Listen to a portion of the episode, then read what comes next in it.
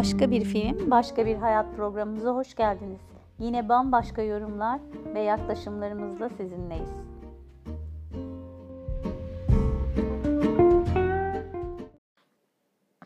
Bugün e, Türk filmi olan Kar üzerine konuşmalar yapacağız. Sohbetimizi Kar üzerinden yapacağız. Gerçek bir hikaye değil ya da öyleyse de böyle bir bilgiye rastlamadım ben. Ama çok gerçekçi işlenmiş. Kurgusu harika, oyunculuk harika, şahane, vurucu bir film. Bunun üzerine konuşmak istedik. Ee, en iyi kurgu ödülünü aldı Iris Alptekin Kar filmiyle 54. Uluslararası Antalya Film Festivali'nde. Ee, Türkan Şoray umut veren genç kadın oyuncu Hazar Ergüçlü başrolde yine ödül aldı. Umut veren genç erkek oyuncu ödülü Halil Babür'e gitti ve yönetmen ve senarist Emre Erdoğdu'ydu. Daha e, Almanya'da da bildiğim kadarıyla değil mi? Almanya'da da bir ödülü Hmm, var. 18. evet. Uluslararası Frankfurt Türk Film Festivali'ne Hazar Ergüçlü katıldı ve orada da yine en iyi kadın oyuncu ödülü aldı. Belki atladığım başka ödülleri de vardır. Gerçekten şahane bir oyunculuk. Çok etkileyiciydi. E, konu aslında e, baroşta geçiyor. Yani fakir çocuklar, e, cehalet, sıkıntı, parasızlık, ne kadar dram varsa çok gerçekçi bir dille ve gözle işlenmiş. E, aslında biraz önce izlediğim ve ikinci defa izledim. O yüzden de henüz acım taze. Hala çok etkileniyorum konudan. Bu sebeple çok da spoiler'a giremiyorum. Hemen er, Erdoğan Hoca'ya bırakacağım sözü. Ee, ben daha fazla devam edemeyeceğim çünkü. Peki.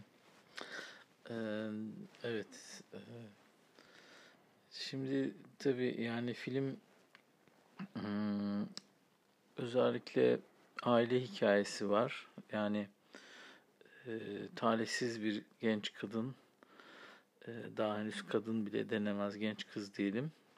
Lise sonda okuyor ama aslında bir iki yıl galiba gecikmiş, e, Kaybı var. kalmış. Evet normalde üniversitede olması gerekiyor ama tabii üniversiteye gidememesinin sebepleri çok bariz bir şekilde filmde görünüyor.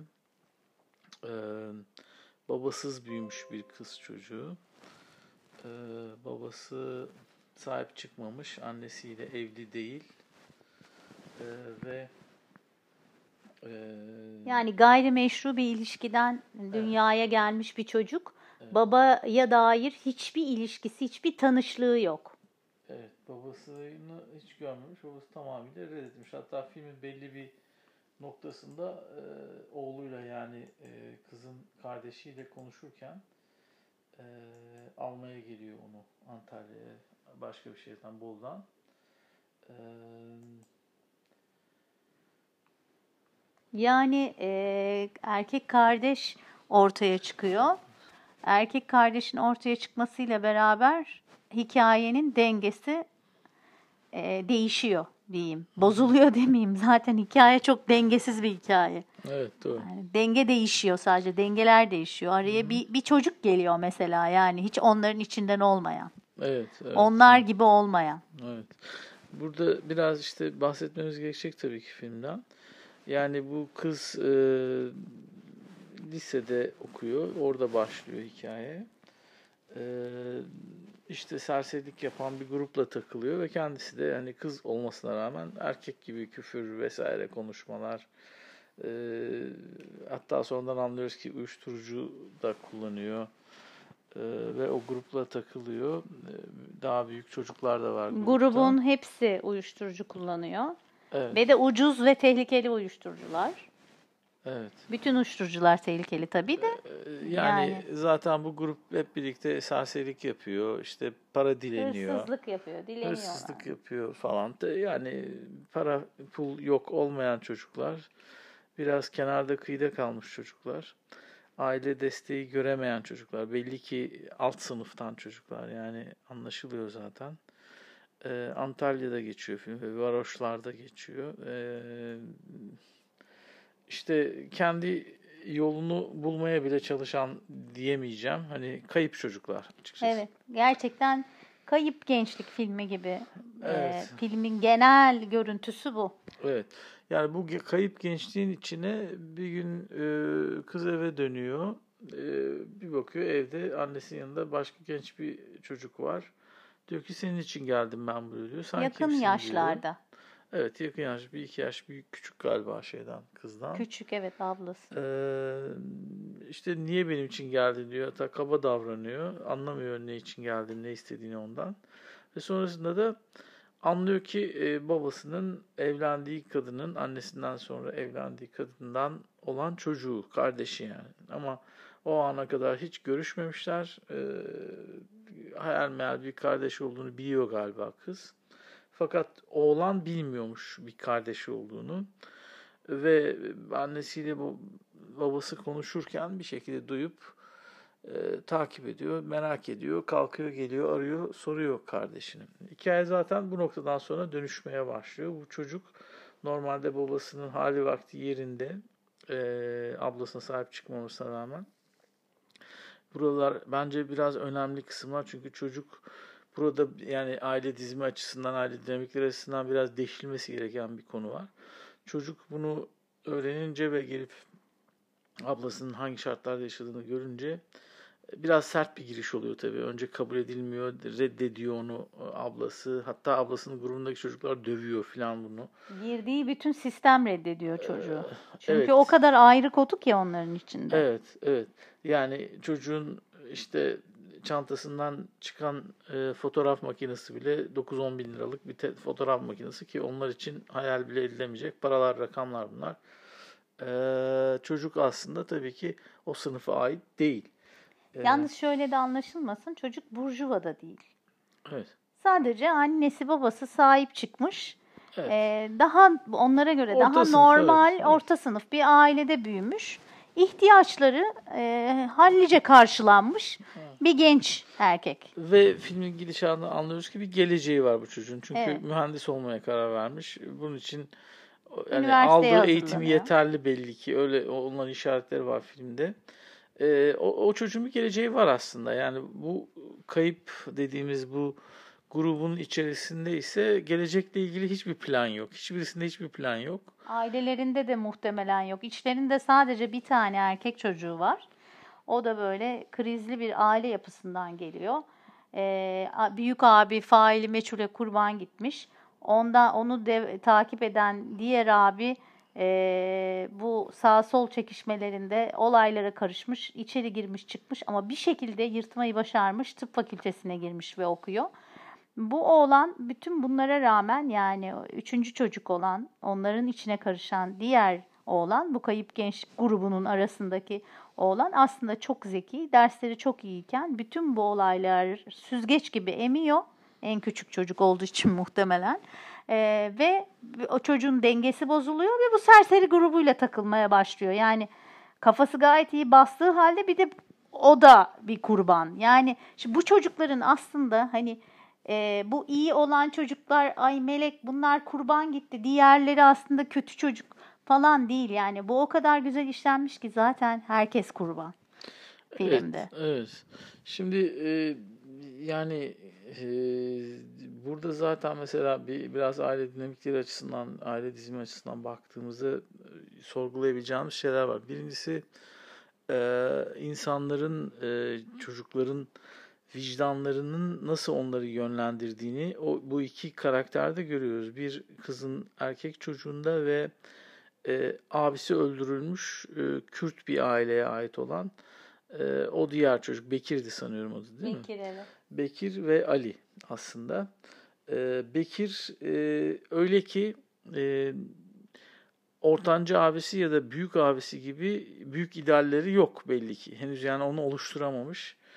E, fakat tam manasıyla kötü kötü bir çocuk da değil. Yani kötülük gibi adlandırılacak ya da toplumu yargılayacağı bir takım davranışlar içerisinde bir e, bu da aslında onun içerisindeki hayata ve topluma göstermek istediği tepki ve öfkenin yansıması bana sorarsan.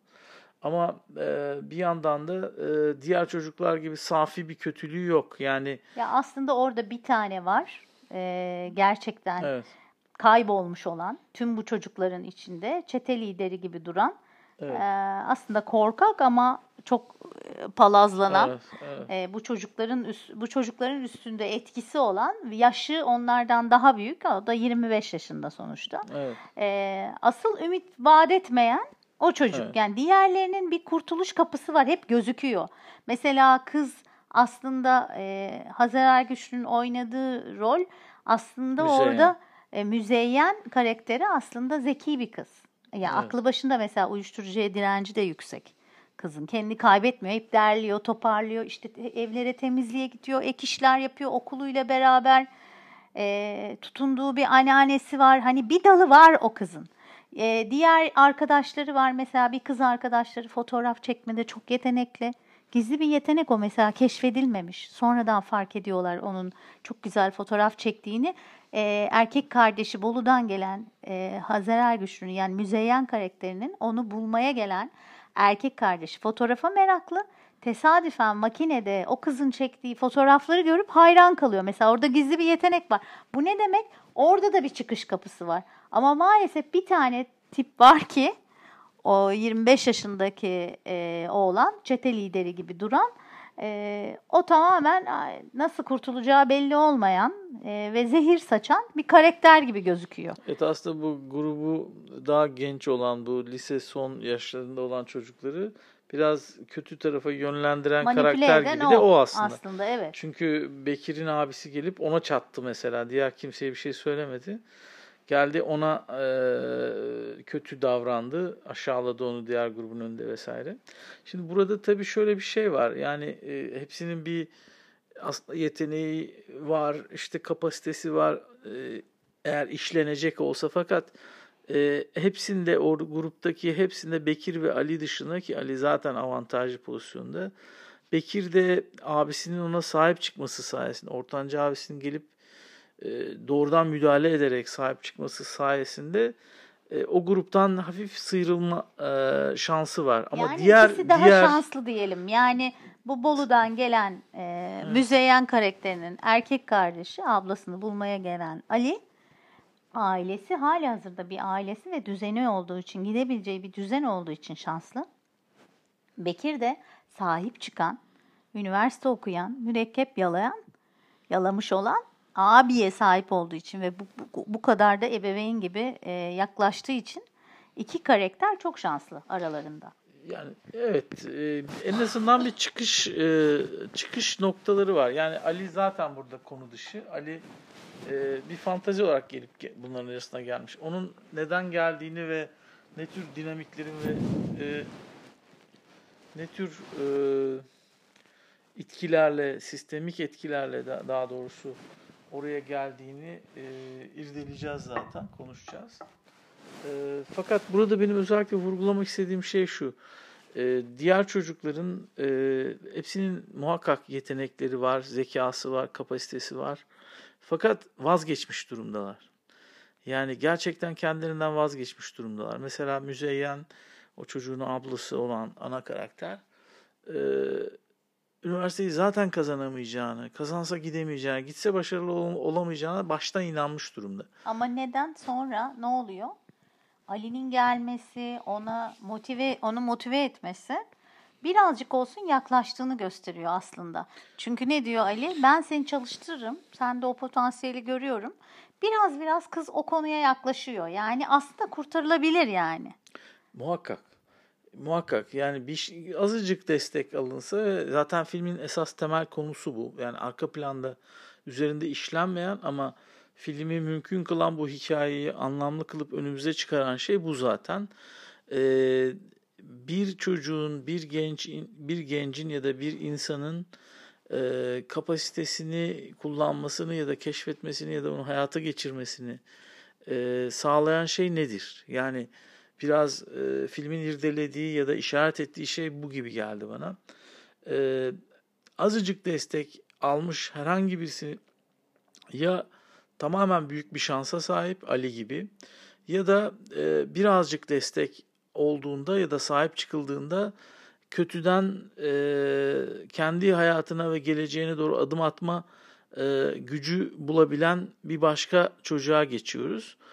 E, kimisi tamamen kayıp, kimisinin potansiyeli var ortada Biraz destek alırsa hemen işte müzeyyende olduğu gibi az önce söylediğin gibi e, hemen kendisi için bir şeyler yapmaya çalışabilir e, vesaire e, insanlar var ortada duranlar. Bir de tamamen karanlık tarafta geçmiş. Evet. Artık kendinden iyice vazgeçmiş Evet. çocuklar Ve fark ettiyseniz şimdiye kadar size hiçbir şekilde maddi destekten bahsetmedik. Yani bu olumlu ilerleme herhangi bir maddi vaatle olmuyor.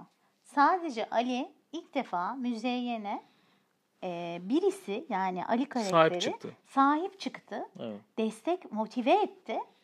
Ve kız oradan dönüyor yani karanlık taraftan yani. Daha Evet, para söz konusu değil yani. Evet, E, Toplumda çok yanlış bilinen bir şey var. Yani ben e, fakirim, benim o imkanlarım yok ki. Hayır değil, daha kuvvetli bir şey var sevgi.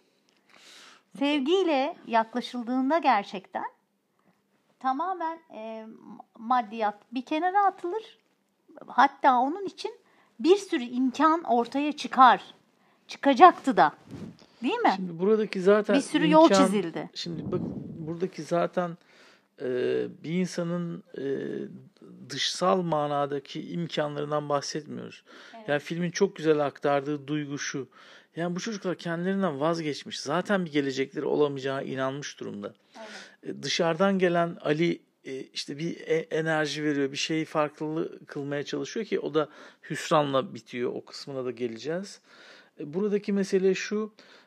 Ana karakter Müzeyyen filmin en başından en sonuna kadar bir önceki filmde de olduğu gibi burada da hiç destek olmayan, hiç bağlantı kurmayan bir anne var çocuğuyla. Hiç yani- kelime konuşmuyor. En son tek kelime ediyor Tek zaten. kelime Kızı orada dağıtıyor. da en kötü şeyi söylüyor en zaten. kötü Yani şey, en kötü söylememesi gereken şeyi söylüyor. Zaten orada dağılıyor kız. Evet, çok kötü bir şey olduğunda o da ne kadar çaresiz olduklarına ilişkin pekiştiren bu çaresizliği bir şey söylüyor. Yani bir umut ışığını bırak, bütün umut ışıklarını tamamen söndürüp karanlığa mahkum ediyor onu. Bir şey söylüyor dememiz.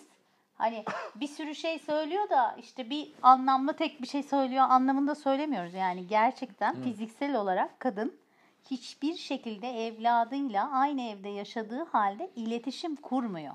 Evet. Hatta abisi şey kardeşi abisi diyordum. Ali bir ara diyor annen hiç sana kızmıyor mu gece bu saatlerde istediğin gibi takılıyorsun falan diyor. Yok hiçbir şey demiyor dedi. Yani biraz orada tabii annesinin de e, yaptığı iş aslında bir işi yok. Ne yapıyor? Erkeklerle e, yatarak işte ne bileyim ne dedi? Profesyonel metres dedi. Profesyonel metres dedi. Birkaç tane adam var. Evet. Kadının hizmet verdiği Evet, işte böyle evet. metres gibi evli adamlar. Evet. Ee, zaten Müzeyyen'in doğumu da böyle bir adamdan.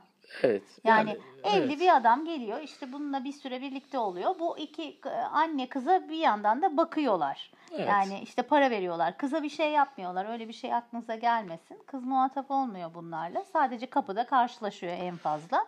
Ama böyle bir geçim kaynakları var. Yani geçim kaynağı bu. Hatta en acısı e, bu isim konusu biliyorsun beni çok e, şey yapar, rahatsız eder. Yani insanlara isim koyarken çocuğunuza lütfen düşünerek koyun. Lütfen ne koyduğunuza dikkat edin. Ne, nasıl seslenileceğinin onun ömrünün sonuna kadar onun kaderini etkileyen bir şeydir isim.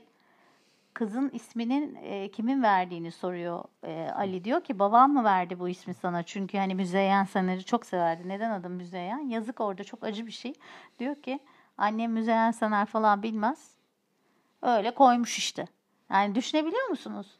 Kızın çağrıldığı isim bile anlam taşımıyor. Ya hayat anlamsızlıklarla böyle başlamış zaten.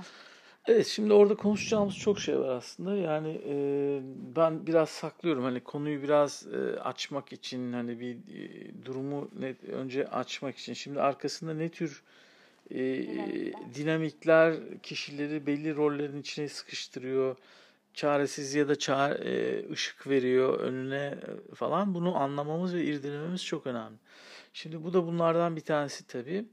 E, yani öncelikle şunu özellikle vurgulamak istiyorum. Şimdi çocuk denen varlık tamamen desteğe muhtaç bir şekilde doğuyor. Yani desteğe muhtaç derken bir insan büyürken e, bir çocuğun psikolojisi bir yetişkine, bir ergene önce sonra da bir yetişkine dönüşürken belli noktalarda çok ciddi destekler alması gerekiyor. Şimdi bu destekleri alamamış çocukların halini bu film çok güzel Evet, gösteriyor. çok güzel gösteriyor. Azıcık Gerçekten da- ebeveyn desteği görmeyen insan nasıl olur? Evet. Onu gösteriyor. Ama şimdi şöyle e, yorumlar gelebilir. Diyebilirsiniz ki e, bu çocuklar ebeveyn desteği almayıp zengin aileye doğsalardı ne olacaktı? İşte ne bileyim öyle bir uyuşturucu içmezdi daha pahalı bir uyuşturucu bağımlısı olabilirdi ihtimal dahilinde bunlar. E, görmüyor muyuz böyle şeyler okumuyor musunuz yaşamıyor musunuz yani ebeveyn desteği şart.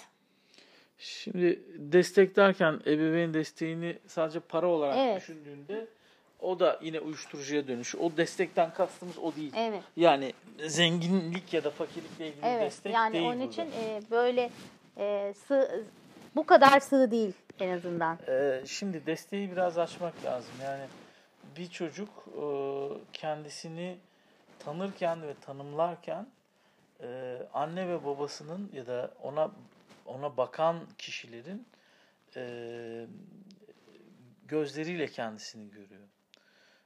Kendisinin değerli olup olmadığını anlamak için ona verilen değeri değer üzerinden anlıyor bunu. Şimdi mesela burada diğerlerinin hikayesini çok bilmiyoruz. Biraz Bekir'i biliyoruz. Diğer çocuklar arka planda e, ama tahmin edebiliyoruz tabii. E, orada ne var? E, bir sahip çıkılan bir çocuk var abisi tarafından yalnız. Baba yok orada da. Orada da yok. Anne Yani baba yok. Hiç Anne baba yok. Fakat e, bir çapa gibi o savrulup uzaklaştıkça onu geri çeken bir abi var.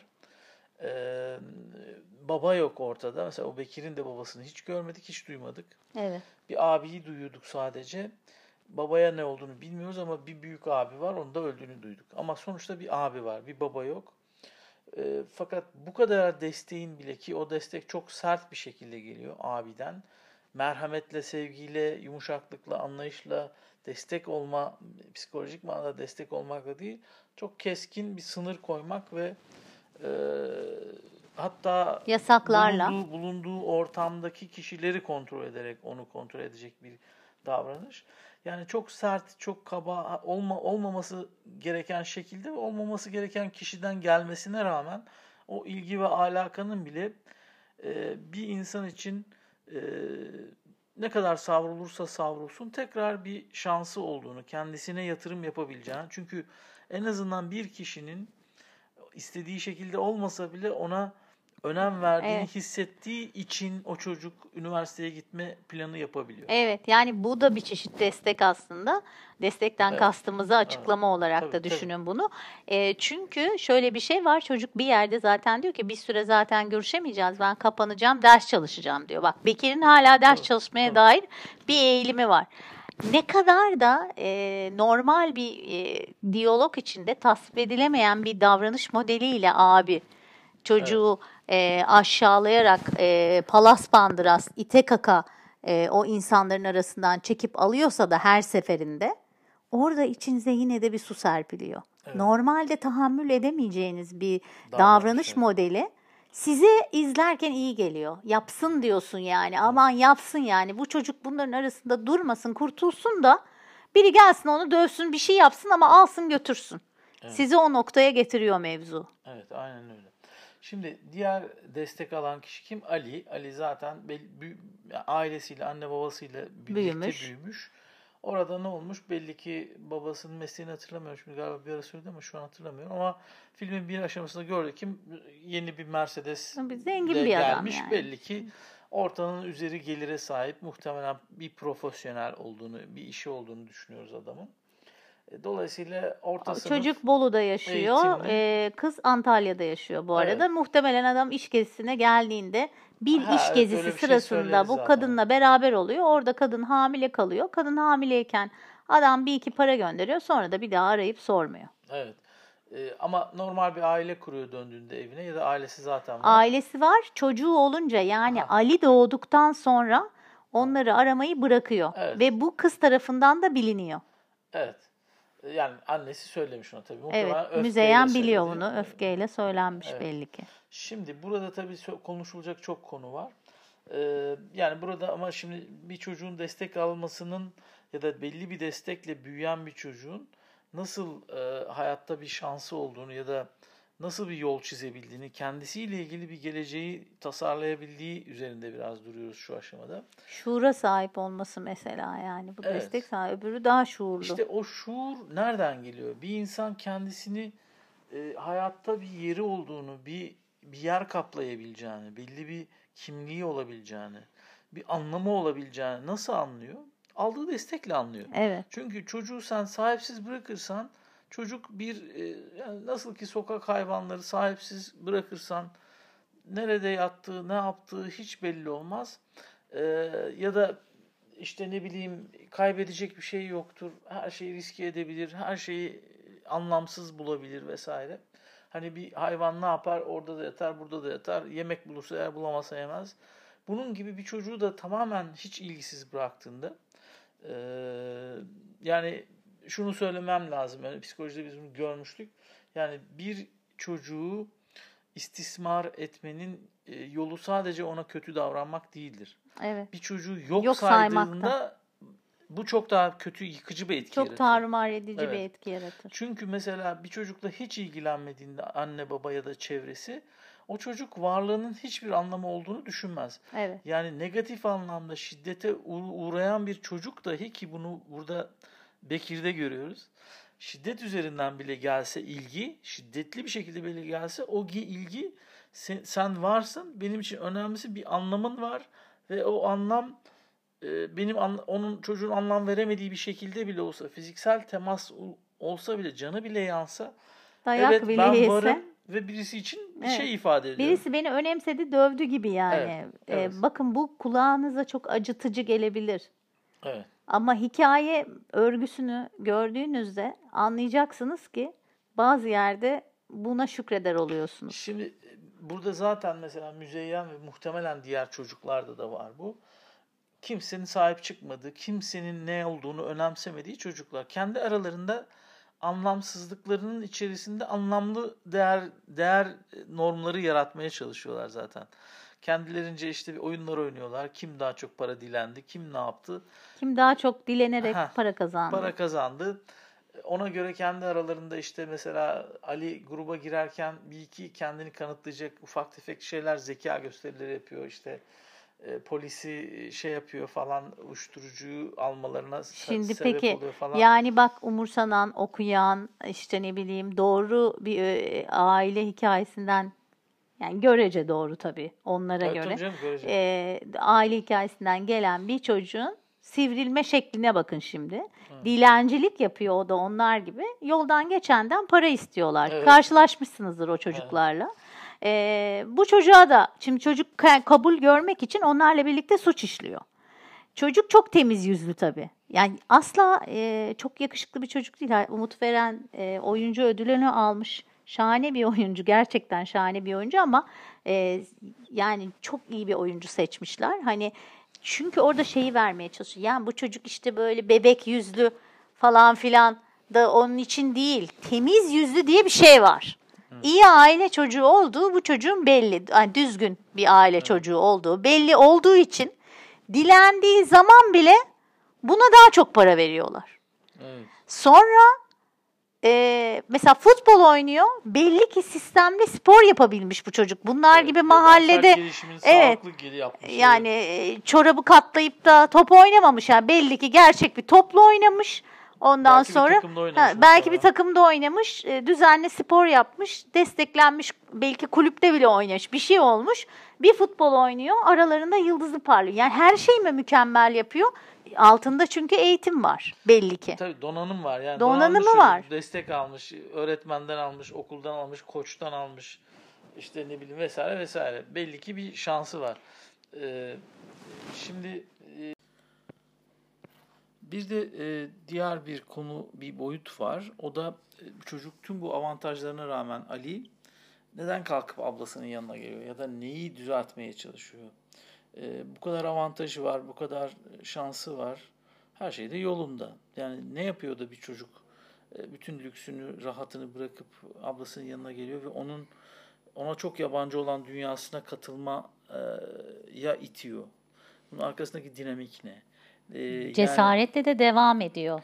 Onun Evet. hayatına katılma haline. Evet, oldukça büyük riskler oluyor. Hayatında ilk kez yaptığı bir sürü şey yapıyor.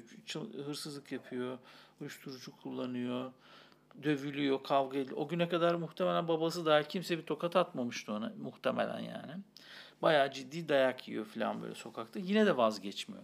Şimdi bunun arkasında ne tür bir e, güç var, ne tür bir e, Dinamik var. dinamik var, ne tür bir e, psikoloji var ki bir çocuk e, bu ablası için, hiç görmediği ablası için aslında e, ta- tamamıyla yabancı birisi onun için e, düşünecek olursak. Yani normalde kişiliğin ya da birisiyle alı- alıp verdiğin arkadaşlığın, bağın, e, sıcaklığın vesairenin ötesinde bunların hiç yaşanmamasına rağmen bir arada tutan bir bağ var. O bağ ne? Kan bağı. Kan bağı dediğimiz şey e, aslında e, kan bağı aracılığıyla e, mevcut olan e, başka bir şey. O da nedir? E, aynı sisteme ait olmak, aynı babadan gelmek. Şimdi Aynı anneden gelmek ya da aynı babadan gelmek bir fark yaratmıyor yani. Aynı rahmi paylaşmış olmanın e, çok da özel bir anlamı yok mu? hayır, şimdi sistemik olarak baktığımızda e, anne ya da babanın aynı olması yeterli sisteme Öyle mi? Yani e, bu çü- çünkü burada benim e, aklımı karıştıran biraz aynı anneden değiller sonuçta. Sadece baba ortak. E, bu fark etmiyor diyorsunuz. Hayır yok yani yarı kardeş olduğunda annenin babanın aynı olması, ortak olması bir bağı şey fark etmiyor. Kan bağı yeterli oluyor. Ee, şimdi bu kardeşlik, kardeş sisteminde e, Ali'nin yani o küçük çocuğun, sonradan doğan çocuğun e, ablasının yani e, babasının başka bir kadından olan kardeşinin e, hayatında sahip olmadığı, babasının ablasına vermediği ama kendisine verilmiş olan her şeyi, bütün avantajları dengelemek istiyor. Yani bunu nasıl yapmaya çalışıyor? İçsel olarak bu filmde verilmiyor tabii. Tabii tabii içsel olarak yok. Biz filme bakmıyoruz. Filmde anlatılan hikayeden bahsetmiyorum. Arkasındaki dinamikten bahsediyorum. Evet. Ya bir insan niye bütün rahatını bırakıp bunu yapar? Ee, Mesela biz bunu çok gö- gözlemliyoruz. Hem e, dışarıdan baktığımızda da gözlemliyoruz insanların davranışlarını. Hem de e, bize gelen vakalardan da biliyoruz. Ne yapıyor insanlar? Mesela belli bir yaşa gelip de yetişkin ya- hayatında büyüdükten sonra aslında üvey olduğunu öğrenen bir çocuk hemen annesini ve babasını ve kardeşlerini aramaya başlıyor. Ya da büyük bir merak duyuyor oraya. Ee, bu bilgiler normalde verilmiyor tabii çocuğa fakat o araştırma, o e, bilme isteği hep oluyor. Ben kime aitim? Ben kimden geliyorum? Ee, bizi var eden e, varlık olarak bu hayat tecrübesini yaşatan, insan olma tecrübesini yaşatan e, şansı bize kim verdi esas? Ondan sonra aldığı her şey e, daha az önemli. Yani üvey bir anne babanın e, bir çocuğa verebildiği her şeyi başka herhangi birisi verebilir. Fakat aldığı hayatı sadece kendi anne ve babası verebilirdi. Evet. Bu çok orijinal bir şey. Yani buna dikkat Yani bir başkasından yardım alsa, çok iyi bir aileye evlatlık verilmiş olsa falan da hiçbir şey fark etmiyor. başka birisinin verebileceği herhangi bir şeyi vermiş olmak iyi bir şey ama e, anne babanın verdiğinin yerini asla tutmuyor. Evet. Çünkü hayatı insanın bedeni aldığı genler e, ve genlerin ötesinde Damarında akan kan. kader gelen kader ona yani bu hayatı bu yaşama şansını ona vermiş olan e, kişiler çok özel. O da anne baba. Ne durumda olursa olsun, nasıl olurlarsa olsunlar, ne iş yaparlarsa yapsınlar. Kesinlikle. Evet. Yani o çocuğu, hayatı verdikleri çocuğu terk etmeleri dahi buna dahil. Ee, burada tabii mesela kızın, müzeyyenin bunun farkında olmadığını görüyoruz. Tabii ki o dezavantajlı olarak başına gelen negatif şeylerin yani babasının ona sahip çıkmamasının dolayısıyla babasının e, çok da e, kendisi için önemli olmadığı gibi düşünceye sahip yani onu izlenimden ediniyoruz. Doğrudan bir şey yok. Mesela çocuk kardeşi seni götüreyim Bolu'ya orada işte birlikte büyürüz sen, sen de okutur babam falan diyor. Kız hiç aslında o kadar da istekli değil yani babasına güvenmiyor etmiyor. Babadan gelecek bir şeye güvenmemeyi öğrenmiş çok erken yaşlardan itibaren. Bu tabii sadece kendisinin değil annesinin deneyimi. Anne zaten o deneyimi aktarıyor. Çocuğun aslında babayla hiçbir deneyimi yok. Kesinlikle yok. Direkt verdiği bilgi sen e, Annenin- senin hamileliğim sana hamileliğim sırasında Evet. e, babanın bir çocuğu oldu ve ondan sonra bana zaten para yardımı yapmayı bıraktı. Kızın son bilgisi bu babayla Evet, ilgili. Evet. Şimdi burada e, çok önemli bir noktaya geliyoruz aslında. Yani e, dinamik olarak şimdi bir kardeşin avantajlı bir kardeş, aynı babanın kaynaklarından daha çok yararlanan bir kardeş, daha az yararlanan kardeşe borçlu hissediyor kendisini. Bu bir dinamik. Bunu dengelemek için çocuk geliyor zaten. Bütün bunlara katlanıyor. Her şeye rağmen ablası onu kovsa da, istemese de e, babasının temsilcisi olarak babasından e, ortak e, sahip oldukları hayat nedeniyle babasının temsilcisi olmasına rağmen e, onu ne yapıyor?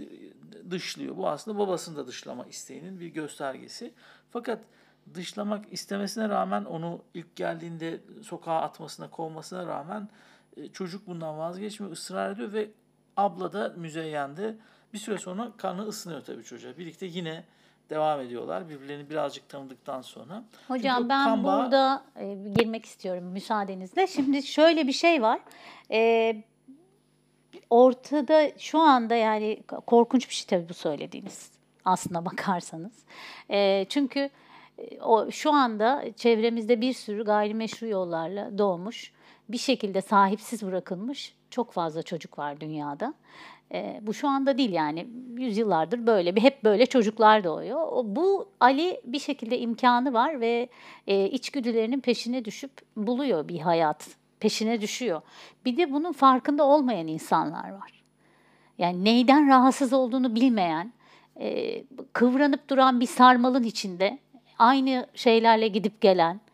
E, hani diyorsunuz ya bazen sürekli aynı deneyimleri yaşayıp duruyorum. Aynı acı tekrar ediyor. Başka insanlarla, başka iş yerinde, başka hayatta sürekli devam ediyor hayatımda. Yani iş yerinde de bu oldu. Komşularımla da bunu yaşadım. İşte ailemde de aynısı olmuştu. Babam da bana böyle davranmıştı. Patronum da bana böyle davranmıştı. Eşim aynısını oğlum da yapıyor. Aynısını kızım da yapıyor. Kardeşim de yaptı.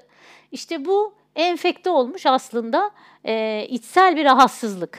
Yani bu bahsettiğiniz e, biraz önce Sangit Hoca'nın bahsettiği şey gibi e, bu içinizdeki rahatsızlık aileden, atalardan gelen bu eksiklik, bu soyun e, getirdiği sancı farkında olmadığınız zaman sizi bu hale getirebiliyor maalesef. Çok daha kötü şeyler de olabiliyor tabii. Zaten filmin sonunda aslında biraz onun Ne kadar var. kötü bir Evet. şey olduğunu filmin sonunda görebiliyoruz. Yani şöyle söyleyeyim. e, şimdi bakın yani buradaki en önemli nokta şu. e, bahsettiğimiz şey yani bir insanın bir insanın çocuğu olması, bir insanın bir insanın babası annesi olması gibi bir durumda bahsettiğimiz şey bir hayat. Yani bir hayatın ortaya çıkması, yaratılmasından bahsediyoruz. Dolayısıyla çok büyük bir şey bu. Bunu anlamamız lazım. Yani biz doğal anlam doğal olarak doğuyoruz, birisinin çocuğu oluyoruz, büyüyoruz vesaire. Bunu çok doğal bir süreç gibi algılıyoruz. Ama bir an için dışına çıkıp şöyle düşünelim. Ortada yaratılmış bir hayat var. Yani o kız doğmuş. O kız doğduktan sonra artık e, bu olayın kendisiyle ilgili yapılacak her türlü yargı, her türlü e, bundan yani varılan her türlü fikir, her türlü duygu yansıması, bir şeyin eksik ya da yanlış olması e, örneğin yani temelinden bakacak olursak hani bu kızın mesela babasının sahip çıkmaması vesaire gibi. Yapılan her şey hayatın içerisinde oluyor. Yani o kız babasına olan öfkesi, annesinin e, kızın babasına olan öfkesi, hayal kırıklığı her neyse olan her şey artık bu kızın hayatının içerisinde oluyor. Dolayısıyla hayattan daha küçük. Şimdi bizim bunu anlamamız lazım. Bahsettiğimiz şey bir hayat olduğu için eğer bu hayatın geldiği kaynağı, kaynak ile, baba ile, anne ile sağlıklı ilişki kuramazsa bir insanın ruhu asla huzur bulmaz. Neden? Bahsettiğim şey buydu aslında. evet, çünkü- Ruhunun huzur çünkü- bulamaması. Çünkü o ruhun huzur bulması için bu bedeni, bu deneyimi, bu insan olma, bu hayatı yaşama deneyimini, o ruhun yaşama şansını sağlayan kişi ve kişiler simgesel olarak da varoluşsal olarak da çok değerli ve çok önemli. Çünkü hayatı ve bu deneyimi mümkün kılan şey o insanlar. Yani kaynak. Evet. Ee, bu anlamda baktığımızda ben mesela eğitimlerimde de bunu bu şekilde aktarıyorum. Simgesel olarak anne ve babanın e, simgelediği şey insan bilinci içerisinde, bilinç ve bilinç dışında kapsıyor. Bilinç derken insanı insanın insan bilinci, insan e, psikolojisinin içerisinde simgesel olarak anne ve baba Tanrı'yı temsil ediyor. Yani Tanrı'nın temsilcisi gibi düşünebiliriz. Tanrı bir, bir normal Tanrı kavramını anlayabilecek kadar büyümüş bir insanın dimağında, aklında neyi temsil ediyorsa bilinçsizce, bilinç dışında bir çocuk için anne ve baba Tanrı'dır. Neden? Tanrı ona olan, ona vermeyi bahşettiği hayatı anne ve babanın eylemi sonucunda e, suna, sunabilir. Dolayısıyla koşulu yani insan olmanın koşulunu sağlayan şey anne ve babanın birlikteliğidir. Evet, çocuk tarafından böyle algılanıyor. Yani çocuk bunu bilinçli olarak algılamasa bile ruhu, Bilinç dışı, ruhu bunu evet, biliyor. Ruhu böyle biliyor. Şimdi ruhun bildiğini eğer kişi bu müzeyyenin örneğinde gördüğümüz gibi eğer e, babayı alamazsa, babayla ilişki kuramazsa, e, babayı sevemezse, babadan babayla ilgili olan hiçbir şeyi alamazsa hayatının minimum yarısını yani bu ne demek potansiyelinin, mutluluğunun, sevginin, aşkın hatta bir çocuk sahibi olmanın e, bunlarla ilgili her şeyin en fazla yarısını alabilir. Babayı dışladığı noktada kendisine gelen hayatın yarısını dışarıda bırakıyor insan. Bunun çok önemli karşılığı var. Ee, yani ebeveynlerle ilişkide onları anlayamadığımız her noktada onları kabul etmemiz lazım. Şimdi bu konuda bir e, yorumum olacak. Filmle filme geri dönersek filmdeki e, baba bir kere e, gayrimeşru bir ilişkiden bulunuyor ve bir daha da peşine düşmüyor. O ilişki e, yani adam zaten Bolu'da yaşıyor. Antalya'ya muhtemelen bir iş toplantısı için geliyor. Bir kere bu kadınla birlikte oluyor. Kadın hamile kalıyor, çocuk oluyor. Tamam. E, bu çocuk müzeyyen oluyor ve müzeyyenin bir kere babasını nasıl kabul etmesini ve anlamasını bekleyebiliriz. Bu birinci soru. İkinci soru, anne müzeyyenin de çok farkında olduğu ve dile getirdiği gibi e, bir takım adamlarla e, ilişkiye giriyor para karşılığı ve bu parayla geçiniyorlar ve bu arada bütün film boyunca hiç diyalog kurmuyor kızıyla. Ne anne gibi, ne arkadaş gibi, ne dost gibi, ne komşu gibi, herhangi bir yakını gibi bile değil. Hiç kimse gibi ikisi de birbiriyle. Sonunda sadece bir kere bir replik duyuyoruz kadının ağzından. O da kıza yafta yapıştırıcı, en üzgün olduğu anda onu daha çok yere çakan bir cümle. Şimdi bu çocuk bu anayı nasıl anlasın peki? Ve nasıl kabul etsin? Bize bunu bir açıklar mısınız hocam? Evet, şimdi burada e, yine az önce söylediğim çerçeveden biraz bakmak gerekiyor. Tabii şöyle, şimdi çocuk olarak e, yani e, işte mesela e, az önce de bahsettiğimiz gibi sana annelik babalık vermiş bir anne baban yoksa varsa ne ala. Bunları kabul etmek çok kolay. Yokken neyi kabul edeceğiz? Yani onlar bunu sana verememişken. Burada anne de veremiyor. Baba vermemiş zaten. Şimdi anne veremiyor zaten. Fakat burada e, sorumlulukları ya da e, kimin ne sorumluluğu olduğuna bakarak herkesin kendi açısından üstlenmesi gereken roller ve rollerin sorumlulukları söz konusu. Şimdi baba baba olmanın sorumluluğunu yerine getirmiyor. E, bunun sebepleri olabilir. Adam hani filmin bir yerinde oğluna da söyledi. Dedi ki onun benden olduğunu nereden biliyorum dedi. Evet. Hakikaten emin olabilecek durumda mı? Hayır. Test yaptırmadan gerçekten bilemez. Kızım onun mu değil mi bilemez. Test yaptıracak kadar da o hayatı umursamıyor zaten. Zaten onu yani bir çocuğum olsun bilinciyle yapılmış bir çocuk değil. Fakat şimdi ben az önce de söylediğim gibi ortaya bir hayat çıktıktan sonra artık kişi o olmadan önceki fikirleriyle devam edemez, etmemeli. Bir hayat ortaya çıktığında, bir çocuk dünyaya geldiğinde artık kişi, yani bu baba oluyor bu durumda ya da anne oluyor. Ee, o olmadan önceki e, dünyasına geri dönemez, dönmemeli. Şimdi bunun bedelini zaten kim ödüyor? Baba bunu reddediyor. Kim üstleniyor bunu? Oğlu, Oğlu üstleniyor. üstleniyor. Ali. Oğlu büyüyüp ergenleşince biraz otobüs bileti alıp başka bir şehre gidebilir hale girince ilk fırsatta kardeşini bulmaya gidiyor. Ne yapıyor? Babasının eksik bıraktığını dahil etme gidiyor.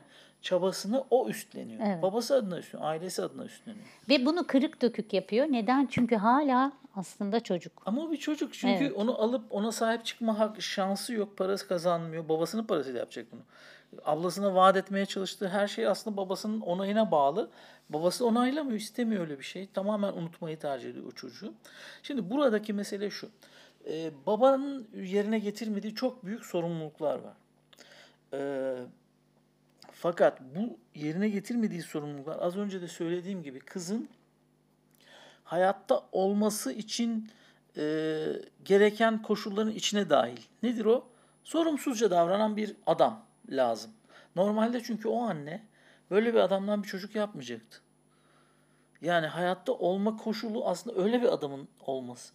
Evet. Yani bu sorumsuzluğu yapıp bir kadınla yatıp dikkat etmeden onu hamile bırakıp sonra da sahip çıkmayacak. Sahip çıkmak zorunda olsaydı adam o psikolojiye sahip olsaydı zaten kız orada olmayacaktı. Şimdi insanın kendi varlığının dışına çıkıp dışarıdan bunu bakıp nesnel değerlendirmesi lazım. Bu çok mümkün değil. Evet. Yani bu Çok kızcağız ütopik. zaten filmde görüyoruz yani kızcağız ne yapıyor? Bunları yapamadığı için acı çekiyor Evet. yapabileceği zaman, yapabildiği durumda tamamen olaya kendisinin de dışından bakıp evet benim var olmamı gere var olmam için gereken koşul böyle duyarsız bir adam olması lazım. Kadınlara saygı duymayan bir adam olması lazım. Kadınlarla sadece cinsel birliktelik için birlikte olan bir adam lazım. Ki annem o yaşam şartlarında, koşullarında ve yaptığı meslek, uyguladığı e, para kazanmak için yaptığı iş nedeniyle ona rağmen hamile kalsın. Değil mi? Evet. Yoksa olmayacaktı zaten. Ben- Benim var olma sebebim bu zaten. Böyle bir Evet. baba. Değil mi? Bak yani dışarıdan bakınca perspektifi değiştirince anlamlı oluyor her şey. Fakat bir insanın bunu yapabilmesi için çok yüksek felsefi algıya ve bakış açısına ihtiyacı var.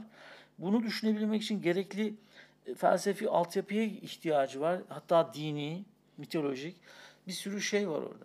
Yani e, var olmanın nasıl bir şey olduğunu, hangi koşullara bağlı olduğunu, hangi psikolojik durumun neye sebep olduğunu falan hepsini bilebilmesi lazım. Şimdi kız zaten o sürecin içinde okulu reddederek, öğrenmeyi reddederek hayata karşı negatif bir tavır elde ediyor. Şimdi bizim beklediğimiz zaten bu.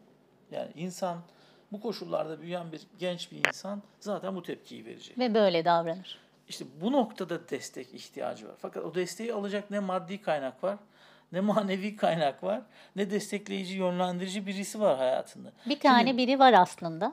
Anneannesi. Anneanne var ama anneanne Filmin sonunda ortaya çıkan tek sevgi belirtisi gerçek anlamda anneanneydi. Evet. Ee, kız en sonunda yaşadığı şokla bir şok yaşıyor. Bir kere Evet. uyuşturucuya e, kız çok dirençli.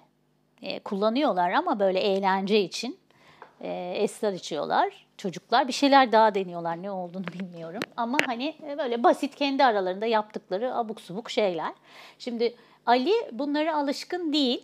Direnci de gelişmemiş. Ama bir şey dikkatimi çekiyor ki bütün grubun içinde en dirençlisi Müzeyyen.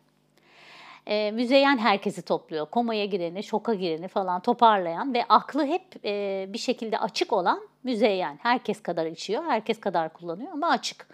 Bu da e, hala bir parça korunacak tarafı var bu çocuğun yani belli, dirençli.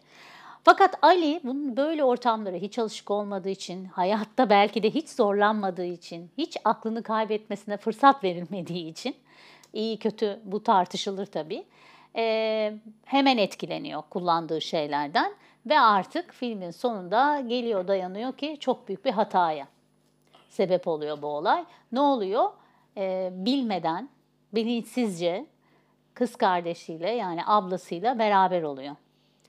Ee, iki çocuk da çok net hatırlamıyor görüntüleri ama kız e, ak- vaka gerçekleşirken kendinde biraz e, uyandığında ikisi de şokta tabii. Bir yüz yüze gelemiyorlar. Ali kaçıyor, basıp gidiyor.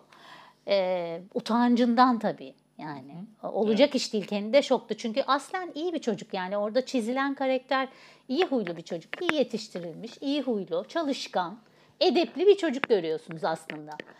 E, ama e, kız uyanıyor. Hemen evi terk edecekken işte biraz önce bahsettiğim annesiyle o saçma sapan diyalog yaşanıyor. Hatta diyalog bile değil annesinin monoloğu. Ee, daha sonra bir de bakıyoruz ki çok tatlı bir kadının evine geliyor. Anneanne.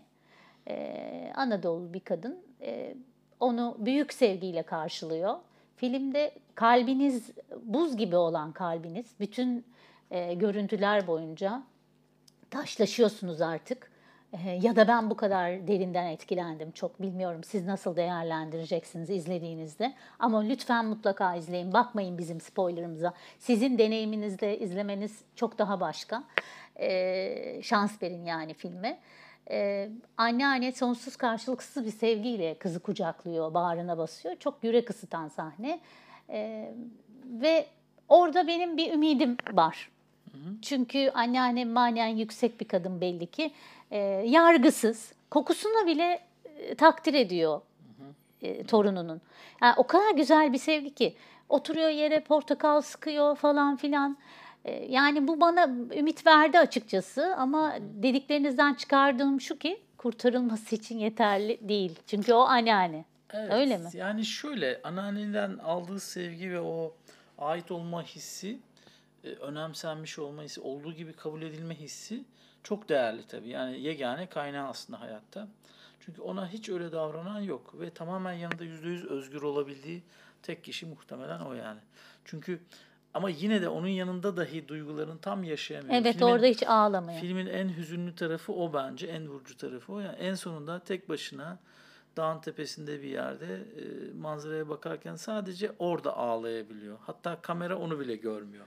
Evet. Yani Kameranın saklı- bile görmediği bir halde ağlıyor. duyuyoruz, Aynen evet. öyle. Sadece hıçkırıklarını duyuyorsunuz. Burada yani işte bütün o tavrı hayata karşı öfkeli, sert, mücadeleci, güçlü falan tavrı aslında bir dış kabuk. İçinde çok büyük acı çeken, sevildiğini hissetmek isteyen, kabul edildiğini, anlaşıldığını fark etmek isteyen bir insan yatıyor. Ee, Şimdi hani önceki soruda biraz daha değinelim ve buna buraya da bağlamaya çalışalım. Ee, yani şimdi bu çocuk babasını nasıl kabul etsin? Şimdi buradaki mesele nasıldan daha çok e, bir insan e, kabul ettiğinde ya da kabul etmediğinde mücadele ettiğinde ne olduğunu bilmesi gerekir. Yani insanlar genelde duygularına içinde takılıp kalıyorlar. E, o duyguları da e, çocukken e, insan ediniyor. Yani bilinçli olamadığı her noktada kişi duygusal tepki verme eğilimindedir. Yani insan ne yapıyor? Ee, çocukken baba yok ortada. Diğer çocukların babalarının olduğunu görüyor. Babasız olduğu duygusu hep ona aşılanıyor, veriliyor. Annesinin babasına olan öfkesini fark ediyor. Ya da işte e, yargılarını vesaire. Çocuk ne yapıyor? Bunu sadece duygusal seviyede yaşayabiliyor. Şimdi duygularının içinde kalmak ve duygusal tepkiler vermeye devam etmek kişinin olgunlaşması ve büyümesi önünde bir engel aslında. Bu duygularını yaşa, yaşayıp hani yaşamaya izin verip onun ötesine geçmesi gerekir kişinin. Olgunlaşmak, büyümek dediğimiz bu. Yani aslında Müzeyyen'in çok sert bir şey şekilde başarmak zorunda olduğu, çok zorluklar içerisinde başarmak zorunda olup aşmak durumunda kalacağı şeyi annesini ve babasını sadece ona verdikleri hayat için takdir edebilmek, veremediği eksik şeyleri alamadığı için bunun için üzülmek ve onlara öfke duymayı bırakmayı öğrenmesi gerekiyor. Şimdi hepimizin bunu yapması gerekiyor. Nasıl öğrenecek? İşte hayat buna onu, onu öğretmesi lazım. Genelde nasıl öğretir hayat? Ee, bu filmde de gördüğümüz gibi bir takım olaylar olur. Ee, ya da mesela en önemlisi şu, kendisi de bir gün bir anne olur. Olursa. Zor gözüküyor bu durumda ama olduğunu varsayalım. O zaman annesinin gözünden ya da e, çocuğunun babasının e, gözünden e, yeniden olayları belli bir şekilde tekrar ettiğini, her noktada bunu çözmek zorunda kalacağını bilmesi lazım kişinin. Yani bu ne demek? Bu bizi şuraya götürüyor. Biz anne ya da babamızla ilgili olarak onları bütün hatalarıyla, bütün eksiklikleriyle ama bakın bütün eksiklikleri ve hatalarıyla olduğu gibi alamazsak, bir kısmını dışarıda bırakmaya çalışırsak ya da reddedersek toptan bunun yaşamsal bir bedeli olacağını bilmemiz lazım. Hayata aldığımız kişileri yargılamanın bedeli çok ağırdır. Bazen çok önemli yaşamsal hastalıklara sebep olabilir. Bazen de hayatı kaybetmemize kadar götürebilir bizi. Dolayısıyla bizim aslında anne ya da babamızı şu ya da bu sebepten reddettiğimizde reddettiğimiz şey onlardan gelen hayattır. Bunun da bedeli ölüme doğru gitmektir. Yani depresyon aslında fiziksel olarak yaşarken ruhen ölmek demektir. Yani depresyona giren kişilerin e, çok büyük bir kısmı zaten babayı reddetmiş kişilerdir. Ya da anneyi de reddetmiş olur. Ya da ait olan herhangi bir aile üyesini reddetmiş kişilerdir. Onların eksikliği depresyona sebep olur. Dolayısıyla e, annesini babasını bir insan reddettiğinde onu bekleyecek en hafif şey depresyondur. Depresyonun en ileri aşaması intihardır. Ya da ölümcül hastalıklardır. Dolayısıyla bize hayatı vermiş şu ya da bu koşullarda vermiş herhangi bir insanı anneyi ya da babayı reddetmenin, kabul etmemenin, onları dışlamanın, onları yargılamanın en uç noktası kendi hayatımızdan vazgeçmektir. Ya da bizim yarattığımız hayat e, bu bedeli ödemek zorunda kalır. Yani çocuklarımız. Yani şunu anlamamız lazım. Bizim reddettiğimiz şey e, hayati bir şeyse bunun bedeli de hayati olacaktır. İnsanlar bunu anlayamadığı için yani mesela Müzeyyen bunu anlayamazsa muhtemelen uyuşturucu kullanmaya devam edecek. Giderek eroinde şuydu buydu ölümcül hale gelebilecek e, uyuşturucular kullanabilecek ve e, o kadar ağır uyuşturucular vardır ki mesela eroin ağır çekimde intihar etmektir. Çünkü ölüme götürür insanı. Evet. Bilinçsizce oraya doğru gidecek. Dolayısıyla Müzeyyen burada bunu nasıl yapacağının e, tabii ki destek alarak yapması lazım. E, ama o desteği kim verecek? İşte anneanne dışında e, gerçek bir kaynak yok gibi gözüküyor. Ama anneannenin vereceği kaynak ne sadece sevebiliyor. Bilinç veremiyor. E, dolayısıyla kişinin mutsuz olduğunda yani buradan şu noktaya gelmemiz lazım. Müzeyyen açısından bakarsak. Müzeyyen henüz genç bir kadın bu filmde. Büyüdüğünü, biraz daha geliştiğini, olgunlaştığını düşünecek olursak e, yapması gereken şey annesinin hayatının ötesine geçip daha bilinçli ve mutlu bir hayat istiyorsa kendi duygularını ve negatif e, yargılarını aşmak zorunda kalır. Maneviyatına çalışmak zorunda. Evet, kişi her zaman için e, mutlu olup olmamayı kendisi seçmek zorunda. Hiç kimse bunu ona yapamaz. Seçimlerine dikkat etmek zorunda. Evet. Yani Ne yaşadığı demiş? hayatın bakın hayatın bize hangi koşulda verdiği başkalarına bağlı. Evet. Ama hayat sahip olduğumuz hayatı nasıl yaşayacağımız her durumda bize bağlı. Evet. Burada Hazreti Mevlana'nın bir sözünü söylemek istiyorum. Evet. Kimle gezdiğinize, kimle arkadaşlık ettiğinize dikkat edin. Çünkü bülbül güle, karga çöplüğe götürür. Müzeyyenin durumu tamamen bu. Yani çevresindeki arkadaşları maalesef çöplüğe götürecek arkadaşlar. Ee, hepsinin dramı ayrı ayrı tartışılacak bir film yapmışlar. Gerçekten yani her çocuğu burada bir saat konuşabiliriz ve gidişatlarını ve olası başlarına gelecekleri. Ee, ama gerisini size bırakıyoruz. Ee, umarız e, yeterli etkiyi yaratmıştır konuşmalarımız sizde. Yeterli farkındalığa sebep olabilmişizdir. Olmadıysak da bir çıt bir yerlerde bir şey fark ettiyseniz, ufacık kalbinizde bir şey açıldıysa, minnacık bile olsa bir tomurcuk yeşerdiyse bizim için e, ödüldür. E, tekrar e, senarist yönetmen Emre Erdoğan'ın hakkını vermek için e, bir daha ama bir daha şunu söylemek istiyorum. Mesela e, filmin başında kardan bir tepe Bolu'da geçiyor ilk filmin ilk sahnesi. Çocuk o karlı tepeden e, etrafa bakıyor, huzuru sorguluyor. Gerçekten huzurlu yani her yer kar, hiçbir şey gözükmüyor bembeyaz. Filmin sonunda aynı sahne e, bu sefer Antalya ama en karmaşık yeri, en kaotik yeri şehre kocaman tepeden bakan bir alan. Orada bu sefer Ali değil, Müzeyyen var. Baktığı yere bakın.